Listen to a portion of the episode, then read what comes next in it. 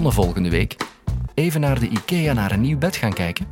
Zelfs als je er geen vindt, weet ik nu al, en jij eigenlijk ook, dat je niet met lege handen naar huis zal gaan. Want zo'n zak theelichtjes komt altijd van pas. Misschien zelfs een nieuw zeteltje voor in die ene hoek.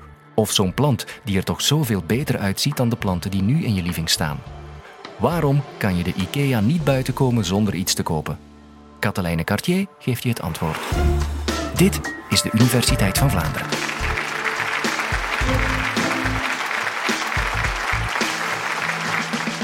IKEA. Voor de meeste mensen denk ik geen onbekend merk en al zeker niet een plek waar nog niemand geweest is. En ik denk voor de mannen onder jullie klinkt het misschien ook niet onbekend. Hè, dat als je zegt van ik ga met de vrouw of met de vriendin eens winkelen en uh, ze gaan naar de IKEA om een salontafel te kopen. Maar wat gebeurt er? Ze komen niet buiten met een salontafel, maar ze komen buiten met een hele nieuwe living.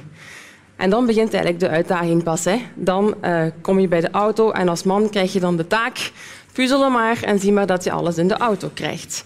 Terwijl jij aan het puzzelen bent, komen er ondertussen menige andere mannen voorbij en die kijken met een blik naar u van succes maat, maar dat lijkt mij niet te passen. Nu, voor de vrouwen is het ook niet gemakkelijk. Oké, we zijn verantwoordelijk voor onze eigen keuzes, voor onze eigen toegiften en verleidingen. Maar toch, de IKEA doet het zo goed, waardoor ook wij hè, onszelf onderschatten en ook met veel meer buiten komen dan voorzien. Nu, hoe komt dat nu? Hoe komt het dat IKEA daarin slaagt om ons meer te doen kopen dan we initieel op ons lijstje hadden staan? Of wanneer we zelfs alleen maar voor inspiratie gingen, toch nog met een hoop zaken buiten komen? Dat heeft te maken met een aantal zaken. Um, IKEA is heel goed in zijn consument kennen. Dus ze kent de consument, hij weet de consument uh, hoe hij zich gedraagt. En ze weten hoe dat je met de ruimtelijke omgeving, de vormgeving van de ruimte, via retailprincipes ook die consument kunt gaan beïnvloeden.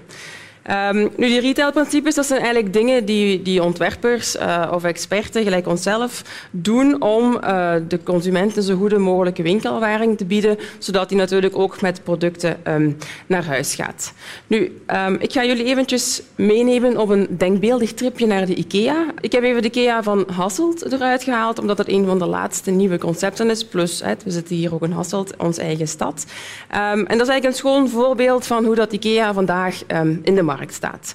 Nu, we beginnen met de eerste bij het exterieur. Je zit in de wagen, je komt aangereden, vaak vanuit de autostrade.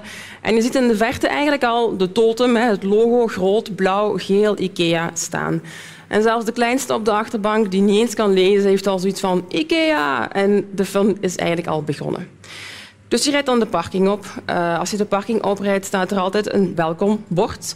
Um, je gaat een plaatsje zoeken. Op zaterdag natuurlijk iets moeilijker, maar als er voldoende plaats is, heeft IKEA best wel een oké parking. Fatsoenlijke plaatsen, uh, plekken voor uh, de moeders die met kinderwagens zijn, mogen dichterbij.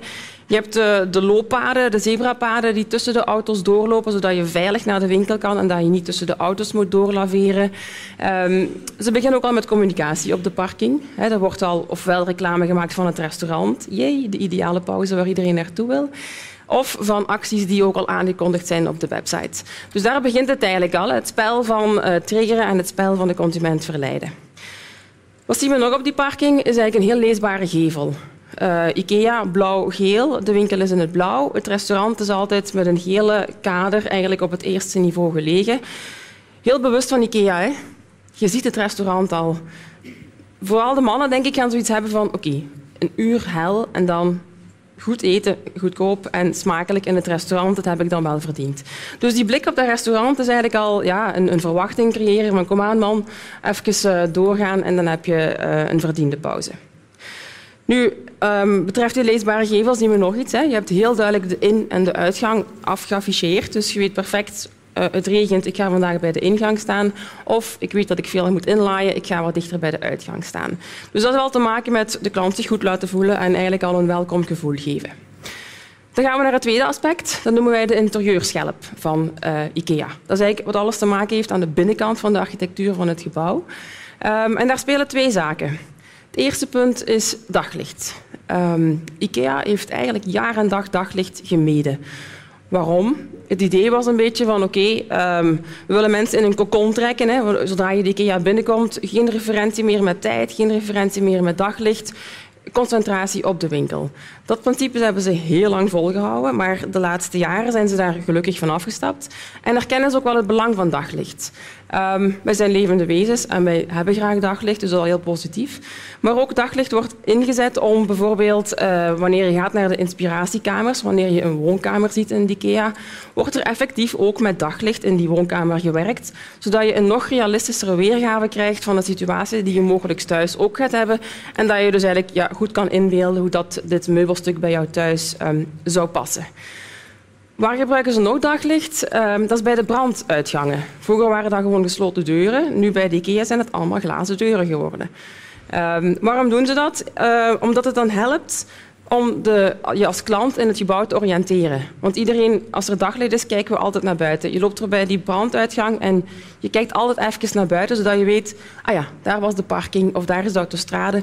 Dus je krijgt een gevoel waar dat je zit in het gebouw en dat geeft ons een veilig gevoel. Stel dat er iets gebeurt, weten we waar we naartoe moeten. Dus we moeten ons geen zorgen maken, we zijn maar bezig met kopen en niet met de andere um, dingen. Oké, het tweede puntje binnen het, de interieurschelp is het plafond. Kan uh, iedereen zich inbeelden hoe het plafond van IKEA eruit ziet? De mensen die er geweest zijn, denk ik wel, weten hoe dat zo'n plafond eruit ziet. Hè? Dat zijn die typische witte balkenstructuren die uh, ja, aan het plafond hangen, die eigenlijk heel slim bedacht zijn. Die zijn flexibel, wat ervoor zorgt dat IKEA de juiste informatie op de juiste plek uh, kan communiceren met de klant. Dus ze hangen hun communicatie, prijs, alles hangt daaraan op, op de juiste plaats. Wat doet dat plafond nog? Is alles van functionaliteit waar de klant niks mee te maken heeft. Ventilatie, sprinklersysteem, uh, elektriciteit, daar krijgen we allemaal niks mee te maken. Dat zien we niet, want dat wit plafond schermt dat af. Wat zien we wel? Wat IKEA verkoopt. Alles daaronder, de lampen die ze verkopen, de armaturen die ze verkopen, hangt ook aan dat plafond en dat gaat ons opvallen en al daarboven gaat een beetje wegvallen. Dus ook weer heel slim van IKEA om dat systeem te gebruiken. Dan gaan we eens even kijken naar de ruimtelijke invulling. Um, de ruimtelijke invulling voor ons is ja, hoe dat je IKEA met de ruimte omgaat. En daar zijn ze misschien nog wel het slimste wat ze daar doen.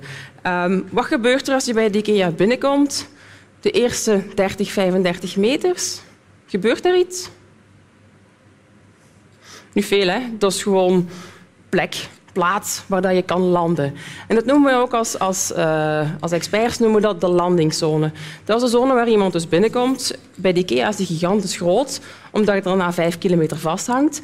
Bij een boutique gaat die zone wat kleiner zijn, maar die landingszone heb je nodig. Waarom? Je komt van buiten, misschien van de autostrade, misschien in een, in een straat waar je snel aan het wandelen was. Dus je moet afgeremd worden. IKEA zegt van, ik wil dat je een andere modus opzet. Hè. Niet meer rijden, niet meer lopen, je komt nu shoppen. Um, en omdat je bij de IKEA natuurlijk komt met kinderen of weet ik veel wat allemaal, uh, die moeten misschien nog afgezet worden, die moeten naar het toilet of wat dan ook. Dus die zone is nodig om u in een modus te brengen, in een koopmodus te brengen. En daar neemt IKEA gewoon uh, 40, 45 meter voor. Dan begint het. Dan zegt IKEA, oké, nu wil ik aandacht. Wat, wat, begint er dan na die 45 meter? Dat zijn eigenlijk de, de inspiratiekamers, hè? dus de foto die we zojuist gezien hebben, waarbij we dus eigenlijk al verleid gaan worden om um, producten te kopen. Nu, IKEA geeft ons eigenlijk een hele duidelijke structuur mee. En wat doen ze? Je hebt een looppad dat duidelijk onderscheiden is van de inspiratiekamers en van de producten die te koop staan. Dus dat looppad scheidt twee wegen. Dat looppad scheidt enerzijds inspiratie en aan de andere kant vind je dan de functionele producten die je kan kopen. Dat pad heeft een andere kleur en ik noem het nu even de autostrade. Dus daar word je verwacht om te bewegen, vooruit te gaan en de winkel te gaan verkennen.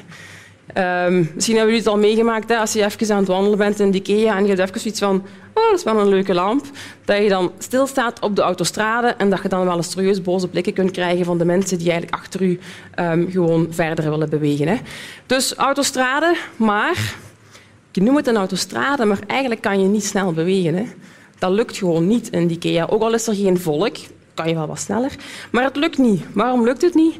Omwille wat de foto laat zien, er zijn gewoon geen rechte wegen. IKEA werkt met um, focuspunten en dat zie je hier op de foto. Dus een plek waar je tegenaan loopt, moest je recht doorlopen, zou je er tegenaan lopen, waar ze eigenlijk hun best doen om jullie te verleiden. Dus je moet daaromheen, je moet weer opzij en dan moet je weer opzij. Dus die hele showroom boven is op deze manier opgebouwd, zodat je nooit snel kan gaan, dat je de aandacht erbij houdt, dat je een trage pas hebt en dat je alles um, te zien krijgt. Ehm, ik heb er straks al even gesproken over die inspiratiekamer, hè, waar dat we eigenlijk verleid worden door daar een realistische um, weergave uh, die er dan komt. Um, het volgende wat, er dan, uh, wat we gaan zien is dat IKEA, als je in zo'n kamer staat, IKEA verkoopt geen bed in deze kamer. Hè. IKEA verkoopt inspiratie, verkoopt ideeën. En dat is wat IKEA zo goed doet. Uiteraard ga je dat bed kopen als je een bed nodig had, maar je gaat niet alleen met dat bed naar huis. Hè omdat dit zo'n mooie constellatie is, laten ze u zien wat allemaal mogelijk is en wordt u verleid. Naast inspiratie verkoopt IKEA ook oplossingen. En dat zie je dan in deze foto. Dus hier wordt even een stuk trap nagemaakt, wat je thuis ook zou kunnen hebben. Dus IKEA zegt van, verkopen geen kasten? Nee, kijk wat je kunt doen. Die, die ruimte onder de trap kan je nog nuttig gaan inzetten. Dus je wordt weer gestimuleerd van, oh, goh, ik had er nog niet aan gedacht, dus je loopt met die kast buiten, terwijl je er eigenlijk helemaal niet voor um, gekomen waart. Een volgende belangrijk aspect bij IKEA zijn um, wat wij noemen portefeuilleopeners. Wat zijn portefeuilleopeners? Dat zijn eigenlijk de eerste aankopen die dat iemand gaat doen in een winkel, die eigenlijk gaan zorgen dat onze portefeuille open staat, dat we in ons hoofd de keuze gemaakt hebben van oké, ik moet toch gaan aanschuiven, ik moet toch gaan betalen, ik moet heel de reutemeteut gaan doen. Dus ja, als ik dan toch al aan het kopen ben, dan ga je rapper dingen inladen. Dus die eerste aankoopbeslissing is heel belangrijk. En wat doet IKEA? Zelfs wanneer je boven maar in de showroom bent, eigenlijk nog niet aan het kopen, hè, daar ben je nog maar aan het verzamelen en kijken wat dat je wil, um, gaan ze toch die kleine producten al plaatsen. Ofwel zijn die actiegebonden, ofwel creëren die schaarste van laatste stuks. zijn nooit meer dan, dan, dan 2, 3 euro de eerste die je tegenkomt, met het idee van oké, ik laat het al in, ik pak het al mee en je bent vertrokken. Hè. Dan je voor de rest van de tijd, uh, staat je portefeuille open en kan je dus geld beginnen uitgeven. Dus dat is weer een heel slimme um, truc van um, de IKEA. Nu, ondertussen zijn we al wat verder in die showroom boven. Hè. De mannen worden al wat zenuwachtig. Het wordt al wat druk en wat veel en ze hebben al zoiets van... uh, ik heb er eigenlijk geen zin meer in, terwijl een vrouw die, die, die gaat, blijft gaan. Hè. Die kan gewoon doorgaan. Um, hoe kunnen we dat verschil nu verklaren tussen man en vrouw? Dat is een beetje vanuit eh, de evolutietheorie en ook vanuit de evolutionaire psychologie kunnen we dat verklaren. Mannen waren jagers. En wat doet je als je jaagt? Je gaat gewoon op je doel af, je gaat het zoeken, je gaat je vlees jagen en je gaat proberen dat ding af te schieten uiteraard. En dan is het niet zo van, oh, nog een besje, oh, nog een bloemetje. Nee, dus die mannen gaan jagen. Vrouwen moesten bessen verzamelen, eten verzamelen, met een zo groot mogelijke variëteit om een gezonde menu samen te stellen. Dus een vrouw is dat gewoon om te verzamelen. Dus wat doet hij in de IKEA? Hoppa, verzamelen om ons huis gezelliger te maken. En daar speelt IKEA natuurlijk heel erg op in. Nu, voor die man doet de IKEA ook iets. Um, als je een beetje verder in de IKEA bent, um, kom je bij de, de badkamerafdeling of bij de keukenafdeling. Daar waar de man zijn kwaliteiten gevraagd zijn. Hè. Ik spreek nu even in een constellatie van een normaal gezin, of een gewoon gezin, sorry. Um, en die man ja, die wil natuurlijk gewoon graag die keuken installeren, maar misschien is hij wat onzeker erin en weet hem niet altijd hoe of wat. Dus we hebben eigenlijk speciale mannenhoeken ontworpen het valt zo niet op, maar als je het begint te ontleden, zie je het wel.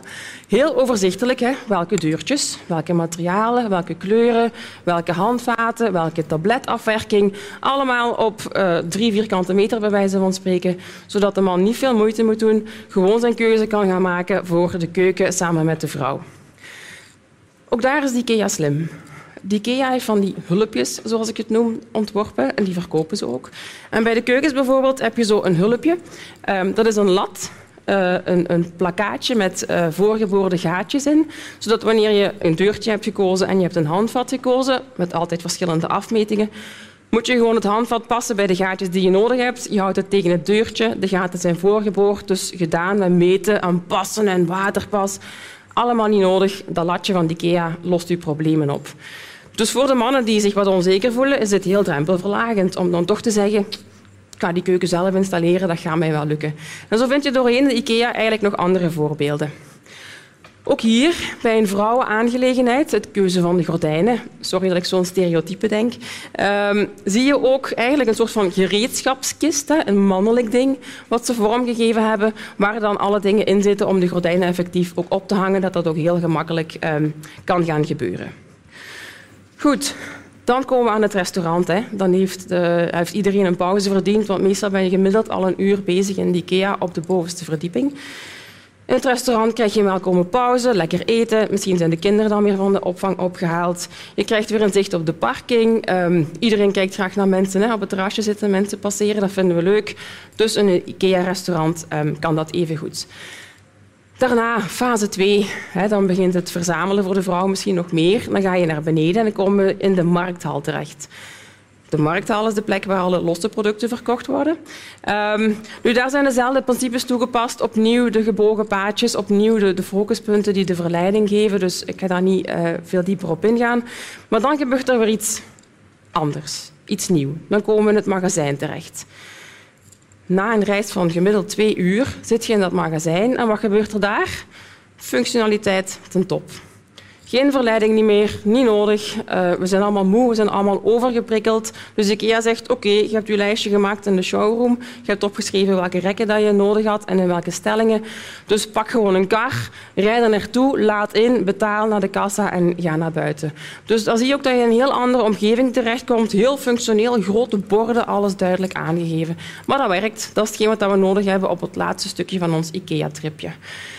En dan opnieuw, moest je niet zijn gaan eten in het restaurant, of misschien wel, en wil je nog een dessertje, kan je achter de kassa opnieuw jezelf belonen met een ijsje, met een hotdog van nog een halve euro.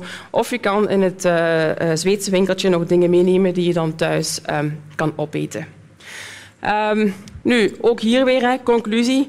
Hoe komt het toch dat IKEA daar zo goed in slaagt? Um, ze weten gewoon hoe de consument in elkaar steekt en ze doen dat op heel veel verschillende vlakken. Proberen ze jullie te verleiden, zoveel mogelijk, met heel veel overstimulatie misschien, maar de helft komt toch maar binnen. En je moet eigenlijk al bijna gevoelloos zijn om daar niet voor te vallen. Dus verwijt het jezelf niet. IKEA is gewoon goed in wat ze doen en, en op die manier zijn we daar gewoon heel vatbaar voor. Uh, en ook ik, hè, opnieuw, je kunt een expert zijn die daar volledig mee bezig is en dag in dag uit die fenomenen bestudeert. Maar ik ging de foto's trekken in IKEA twee weken geleden met het idee foto's trekken, iets eten en naar buiten. En ook ik, nee, ik ben niet met lege handen naar huis gegaan. Dit was een podcast van de Universiteit van Vlaanderen. Gratis dankzij de steun van de vijf Vlaamse universiteiten, de Jonge Academie, KNAK en Radio1.be.